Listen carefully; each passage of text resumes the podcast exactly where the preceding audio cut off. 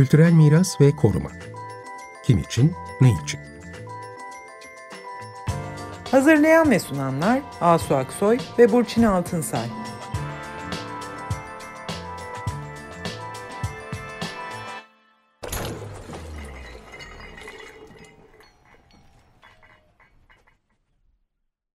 İyi akşamlar, ben Asu Aksoy.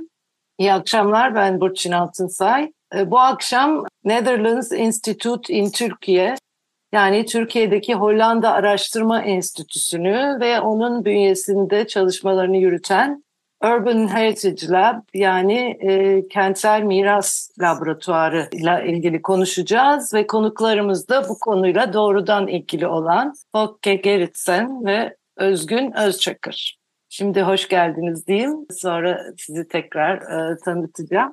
NIT ya da Netherlands Institute in Türkiye aslında Türkiye'deki diğer ülkelerin de araştırma veya kültürel enstitüleri gibi tarih, arkeoloji, miras konularında çalışıyor ve Türkiye ve çevresindeki bütün bölgelerin bütün çağlar boyunca tarihini, arkeolojik araştırmalarını yürütüyor. E, fakat NIT'te biraz daha e, kültürel miras konusuna ağırlık verdiklerini, oraya yoğunlaştıklarını görüyoruz. Özellikle de bu kentsel miras laboratuvarıyla kentsel miras konusunda biraz daha e, odaklanıyorlar gibi görünüyor ve derinleşiyorlar bu konuda. Kentsel miras laboratuvarı, NIT'in kentsel miras laboratuvarı 2021 yılında oluşturulmuş ve bu laboratuvarda da kentsel yaşam, kültürel miras ve sürdürülebilirliğin kesişme noktalarındaki e, güncel sorunları ele almayı amaçlayarak yola çıkmışlar. Bunun daha fazla açıklamasını konuklarımıza bırakarak ben şimdi e, kendilerini bir kısaca tanıtayım. Ondan sonra da sorularımıza geçelim. Folke Geritsen, Netherlands Institute in Türkiye'nin direktörü. Kendisi de bir arkeolog. Yakın Doğu ve Kuzeybatı Avrupa arkeolojisi eğitimi almış. E, ve e, 2006 yılından beri e, NIT'in yerel direktörlüğü görevini e, yürütüyor. Türkiye, Suriye ve Hollanda'da saha çalışmalarına ve projelere katılmış ve yönetmiş. 2007 yılından bu yana da Barçın Höyük Kazıları projesini de yönetmekte. Özgün Özçakır ise bir koruma mimarı, lisans, yüksek lisans ve doktora derecelerinin hepsi ODTÜ'den, Orta Doğu Teknik Üniversitesi'nden yüksek lisans ve doktora dereceleri kültürel mirasın korunması programından. Şu anda da kendisi aynı programda ODTÜ'de öğretim üyesi olarak çalışıyor. Ayrıca araştırma alanları da miras değerleri, miras odaklı yer markalaşması, miras etki değerlendirmesi gibi konular. Doktora tezi de özellikle e, koruma ve ekonomi arasında kentsel miras alanlarının sürdürülebilirliği için sosyokültürel ve ekonomik değerleri ortak paydada buluşturmak diye uzun başlıklı bir tezi var. Fakat burada koruma ve ekonomi ilişkilerini ve değerleri e, irdelediği için oldukça özgün bir tez konusu. Evet. Ee, evet, şimdi sorularımıza geçebiliriz herhalde. Evet. İlk ee, merak ettiğimiz konu tabii ki hoş geldiniz tekrar bu arada. Fokke Özgün hoş geldiniz. Hoş bulduk. Hoş Çok bulduk. teşekkürler davetiniz evet. için. Şimdi tabii şeyi merak ediyoruz. Yani Hollanda Araştırma Enstitüsü Burçin de girişte söyledi. Arkeoloji, tarih ve e, miras alanında e, çalışıyor. E, fakat bu son dönem işte çalışmalarınıza baktığınızda bir kentsel miras laboratuvarı demişsiniz bu kentsel miras odağının kavramsal şeyi nedir, boyutu nedir? Bunda niye böyle düşündünüz? Nasıl e, kurdunuz? Biraz bu konuda böyle e, bilgi verirseniz buradan başlayalım. Tamam, tamam. Merhabalar herkese. Ee, biraz anlatacağım. Yani enstitümüzde arkeolojik tarih çalışmaları aslında devam ediyor. Onlar hala destek veriyoruz. Ben hala arkeolog olarak e, kazılar yapıyorum, devam ediyorum. Fakat arkeoloji, tarih, böyle akademik disiplinler genelde yani küçük bir topluluk için faydalı. Bir de bana göre enstitü olarak ee, yani biz çok küçük bir enstitüyüz ama enstitü olarak sadece bu küçük akademik topluluk için çalışmak biraz biraz zayıf. Bir de e, yani daha büyük bir e, topluluk için çalışmaları yaparsak daha e, faydalı olabiliriz. O yüzden e, şöyle düşündük. Yani bizim arkeolojik tarih uzmanlığı nasıl kullanabiliriz? Nasıl bugünkü kentler, bugünkü e, kentsel yaşam e, için e, faydalanabiliriz? E, yani oradan tarih ve e, bugünkü zaman e, arasında kültürel miras bulduk. O da e, yani bizim uzmanlık alanları bir de bugünkü yani bugünkü büyük sorular arasında bir bağlantı e, bulmak çalışıyoruz. Bir de biz e, enstitü olarak biz İstanbul'dayız, e, adayız. Ben İstanbul'da oturuyorum. Yani herkes bildiği gibi İstanbul'da şehirde her gün her şey değişiyor. Sosyal açısından, kültürel, ekonomik her şey açısından çok hızlı değişiyor. Bir de orada e, büyük sorular da var.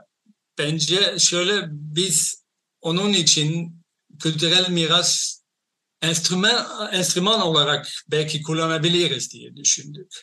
O, oradan bu e, Urban Heritage Lab fikriden geldi. Evet, bu sorulara yanıt aradınız. Kültürel miras zaten şöyle de diyorsunuz e, sizin web sitenizdeki tanımlarda. Kültürel miras sabit bir yapılar topluluğu değildir. Sürekli bir yaratıcı bir süreçtir e, ve e, seçici korumayla devam eder ve sürekli kendisi de değişim halindedir. Kültürel miras için de böyle bir e, açılım sunuyorsunuz. Gibi hakikaten özellikle kentlerde çok doğru. Yani siz buradan yaklaşarak kentlerdeki kültürel miras konusunu e, ele alıyorsunuz ve de, bu e, kentsel miras laboratuvarı bunun da evet bir laboratuvar gibi çalışıldığı bir yer olarak düşündünüz. Bu 2021 yılından beri de kurslar yapılıyor, kurs programları yapılıyor. Ee, bunlar oldukça kapsamlı şeyler ve bu kurs başlıklarına baktığımızda tam da böyle kentsel miras meselesinin tam kalbine dokunan konuları seçmişsiniz, seçiyorsunuz. Bunlar nasıl oluşturuluyor, nasıl tanımlanıyor? Bu soruyu da Özgün'e e, soralım. Bu kursların evet. nedir kapsamı, nasıl gerçekleşiyor? Ne zaman başladı? 2021 ee, yılında başladık aslında e, Urban Heritage Lab, Kentsel Miras Laboratuvarı girişimini. Ve or, e, ve ilk olarak endüstri mirası, sürdürülebilir şeyler için endüstri mirası ile başladık. Orada o dönem aslında biz konuları belirlerken e, Türkiye'deki ve Hollanda'daki güncel konuları da göz önünde bulunduruyoruz. O dönem tartışılan konuları. Bu biz endüstriyel miras dersine başladığımız zaman en başta orada Hasanpaşa Gazhanesi'nin dönüşümü tartışılıyordu. İstanbul'da özellikle endüstri miras alanlarının dönüşümü söz konusuydu. Bu güncel tartışmaların içinde aslında hem akademisyenleri hem de uygulayıcıları birleştirerek bir eğitim programı kurgulamaya çalıştık. 2021'de aslında endüstri mirasıyla başladık. Daha sonra bir sonraki yıla geldiğimizde 2022'de bu sefer odağımız su mirası oldu. Yine tekrar Hollanda'ya ve Türkiye'ye baktığımız zaman aslında su mirası iki ülkeyi birbirine yani iki ülkenin kesişiminde yer alıyor. Ve su mirası dediğimizde limanlar, su yolları çok farklı aslında boyutlarıyla ele aldık ders boyunca da su mirasını. Burada da hem iklim kriziyle beraber su sorunu, suya erişim, su krizi gibi konuları da ele alacak biçimde hem Hollanda'dan hem Türkiye'den olan araştırmacıları bir araya getirmeyi planladık. Bu su mirası, e, sürdürülebilir şeyler için su mirası başlıklı eğitim programımızda. Bu senede şimdi e, Ankara'dayız hatta Fokye'de ben de Ankara'dayız şu anda. E, arkeolojik miras ve yaşanabilir şeyler eğitim programını 3. NIT Kentsel Miras Laboratuvarı'nın 3. programı için. İlk ikisinde odağımız İstanbul'da, İstanbul'a odaklanmıştık. Bu sefer Ankara'dayız, Ankara'ya odaklanıyoruz ve temamız arkeolojik miras. Arkeolojik mirasta bu sefer yaşanılabilir şehirler perspektifinden ele almaya çalışıyoruz. Ve mes buradaki temamız aslında arkeolojik alanların, kent içinde kalmış arkeolojik alanların kente nasıl entegre edilebileceği sorusunu öğrencilerimizle beraber, katılımcılarımızla beraber tartışıyoruz. Belki Ankara'yı bilenler vardır e, dinleyiciler arasında. Dört alana odaklanıyoruz. Roma Hamamı, Augustus Tapınağı, Roma yolunun, Carda Maximus dediğimiz Roma yolunun bir kısmı ve Roma tiyatrosu. Ankara Roma geçmişi çok güçlü ama çok gözden kaçırılmış bir yandan da. Yani bu nedenle biraz daha biraz da bu konu için Ankara'ya odaklanıyoruz. Çünkü özellikle önceki yörel yönetim arkeolojik miras konusunda çok iyi uygulamalar yapmadı açıkçası ve kent entegrasyonu ile ilgili de çok çalışma yapmadı. Biz bu yaptığımız çalışmayla aslında tekrar arkeolojik miras nasıl tekrar kente entegre edilebilir konusunu tartışmaya açtık. Aslında çok enteresan yani bu arkeolojik miras ve yaşanabilir şehirler iki farklı kavram gibi duruyor. Ben hatırlıyorum çocukken işte Ankara'da ben de e, ortaokula falan gittim. Hep ulus e, o taraflarda yolumuz düştüğünde böyle dikenli tellerle çevrilmiş bir Roma işte e, hamamıydı galiba değil mi? E, yani, e, bir, bir kalıntılar hep olur. Benim bütün çocukluğum aslında bu arkeolojik alanlar böyle dikenli tellerle çevrilmiş gibi bir e, şey vardı. Tabii ki o günden bugüne çok şey değişti. Ama yani biraz, biraz bunun üzerine duralım. Siz bu konuda zaten çok güzel bir kavramsal yaklaşım geliştirmişsiniz. Yani arkeolojik bu Roma geçmişini mesela Ankara'da bugünün şehrine, bugünün şehrinin konularına yaşanabilir şehir diyorsunuz. Entegre etmek ne demek? Yani oradan o ta Roma'dan öğrenmek, ilişki kurmak, orayı buraya taşımak falan bu, konuda bir, bunu biraz açarsanız çok e, çünkü enteresan bir şey bu e, kavramsal bir açılım. Belki Fokke e, bilmiyorum. E... Ya belki ilk önce şöyle bir şey söylemek lazım. Bu bu e, örnekle Roma döneminden başlıyor. Roma hamamı, Roma tiyatrosu, Roma tapınağı. Ama onun tarihi, onun e, e, miras değerleri sadece Roma dönemine ait değil. Yani belki o zaman da başladı ama bugüne kadar bu tarih, bunun biyografisi devam ediyor. Ee, yani o, o da kurstaki öğrencilere öğretiyoruz. Ee, bütün katmanlar var, bütün e, hem somut hem somut olmayan boyutlar var. Bir de ya mesela bu e, Ankara'daki tapınak çok zengin, çok uzun bir tarihi var. Ee, Bizans, Osmanlı, Selçuklu, e, Osmanlı dönemine ait. Bir de yani bugüne kadar devam ediyor. Ee, o bütün e, katmanlar, bütün hikayeler önemlidir diye düşünüyoruz. Hepsini birlikte ele alarak bugüne taşıyorsunuz. Yani bugünkü insanların da ya da bugünkü o bölgenin yaşantısında da bunlar hani birer böyle gösterilen nesne gibi değil de o yaşantının evet. içinde evet. yer almaları için herhalde. Evet. Evet, evet aslında tam Burcu Hanım sizin dediğiniz gibi e, alanların Fokke'de söyledi altını çizdi alanların peyzaj hikayelerine, peyzaj biyografilerine bakıyoruz aslında bu e, geçmişten bugüne.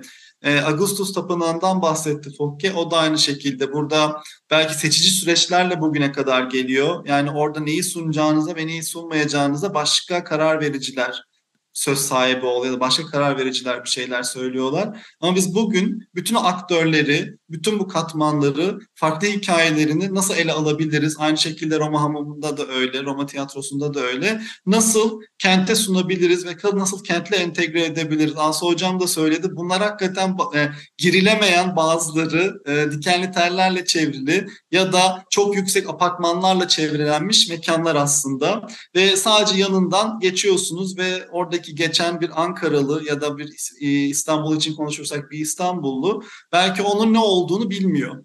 Ve bu aslında bu bilinmeme durumunda da onun korunması ile ilgili ciddi problemler başlıyor. Ya bunun kente katılmalı, e, insanlar onun farkında olmalı ve böylece koruma bilinci oluşmalı. Aslında burada yaşanabilir şehir dediğimiz noktada da aslında şehrin bütün katmanlarıyla beraber e, şehirlilerin onu benimsemesi, e, onun değerinin farkında olması ve kendi gündelik yaşantılarında ya da anılarında onun bir çok katmanlı bir miras alanı olarak yer ederek gelecek kuşaklara aktarılması aslında. Yaşanabilir şehir dediğimiz konu e, konuda o kalıntıların Burçin Hanım da söyledi. Kendi başına duran birer fiziksel varlık olarak değil, kendi anlamlarıyla, tarih içerisinde değişen anlamlarıyla, bugüne gelen anlamlarıyla aslında kentliyi bir araya getirmenin ve kentin bir parçası haline getirmenin yollarını aramak.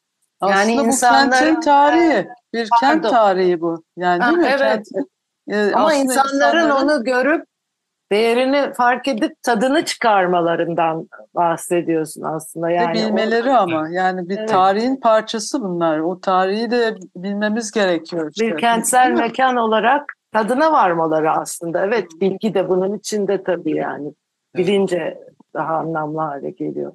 Evet. E, peki bu şimdi bu programın e, arkeolojik miras ve yaşanabilir şehirler tabii bu sefer Ankara'dasınız ama bu mevzu İstanbul'da ve bizim Türkiye'de pek çok kentimizde her zaman e, çok gündemde ol, olması gereken bir konu. Bu kurs döneminin şimdi tam ortasındasınız.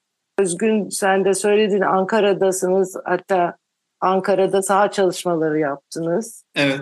E, Gordion'a da gittiniz galiba.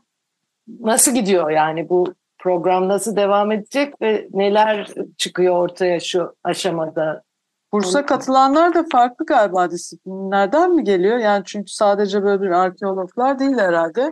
Değil mi? Evet.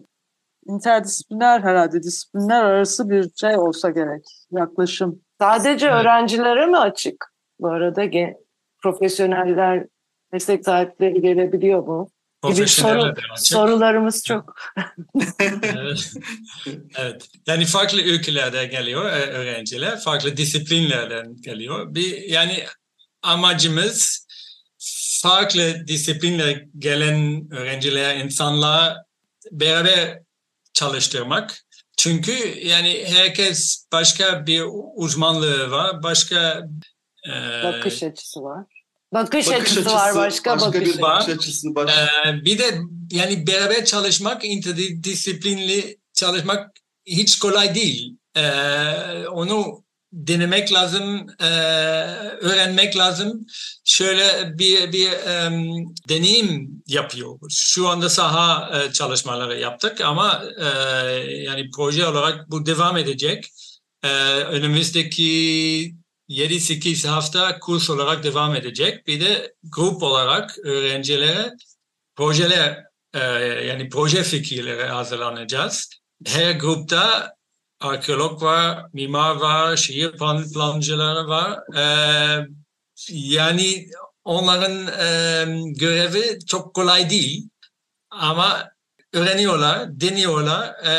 Aynı zamanda biz de yani biz de öğreniyoruz çünkü cevaplarımız yok. Yani biz biz hmm. bir e, e, galiba yeni bir e, yol beraber arıyoruz. Bir iletişim şeyi değil mi bu aynı zamanda? Yani o e, varlığı, o arkeolojik varlığı diyelim ki ya da varlıkları e, kentlilere bir iletişim kurmasına uğraşıyorsunuz. Onun için evet. onun bir peyzaj tasarımı var, yorumlaması var, işte etrafında yapılacak etkinlikler, diğer kurumlar, onların katılımı falan evet. gibi bayağı bir aslında kültürel programlama bu aynı zamanda.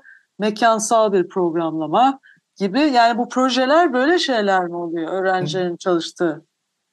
Belki burada ortaklardan bahsederek bu soruyu evet, e, cevaplandırmak e, iyi olabilir. E, her sene konunun e, içeriğine göre e, akademik koordinasyon e, grubu değişiyor.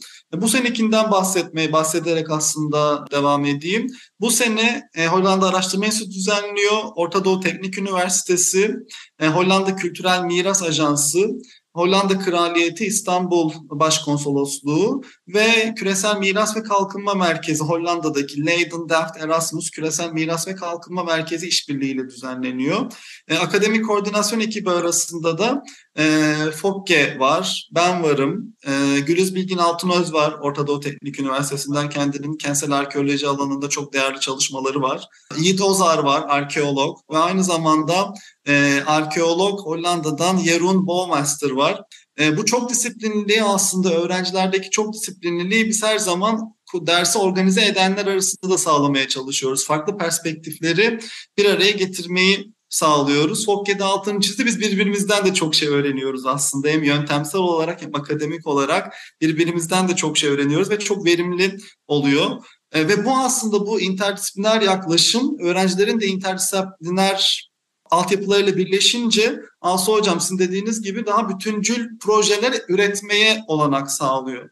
Mesela fiziksel müdahale de oluyor aslında. Ne yapabiliriz üzerinden gerçekten bir mekansal müdahale de olabiliyor. Ama kültürel programlama da oldu, oldu dediğiniz gibi mesela bir etkinlik yapılırsa ne yapacak?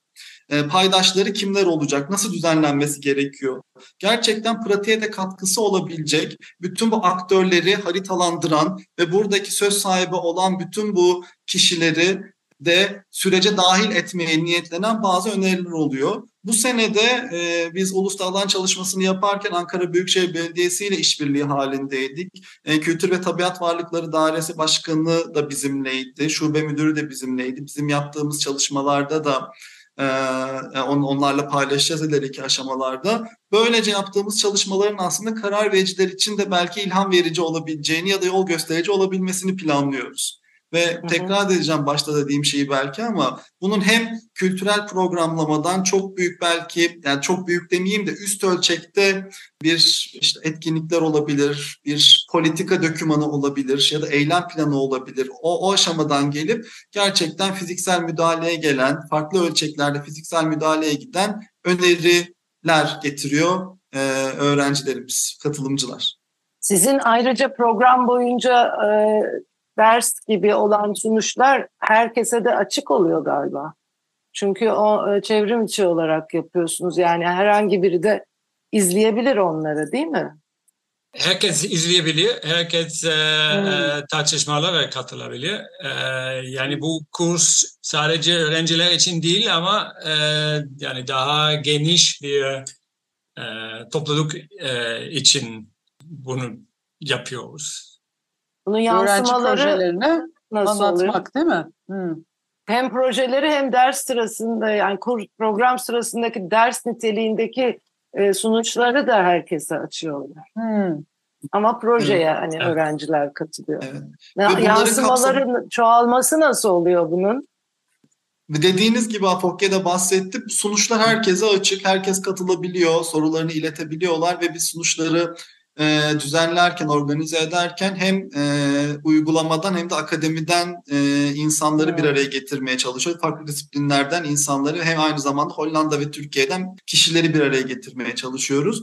Yaygın etkiye gelince e, ee, ilk ilk ilk eğitim programının sürdürülebilir şehirler için endüstri mirası programının bir yayını çıktı son günlerde birkaç ay önce. Herkese açık web sitesinden indirebilirsiniz. Hollanda Araştırma Enstitüsü'nün web sitesinden indirilebilir ve aynı eğitim programı ile ilgili bir makaleyi TÜBAKET'te Türkiye Bilimler Akademisi Kültür Envanteri dergisinde bir makalede e, paylaştık. Bir makale yayınlayarak paylaştık. Orada bizim kavramsal çerçevemize değer vermeye çalıştık. NIT Kentsel Miras Laboratuvarı'nın kuruluş hikayesine değer vermeye çalıştık.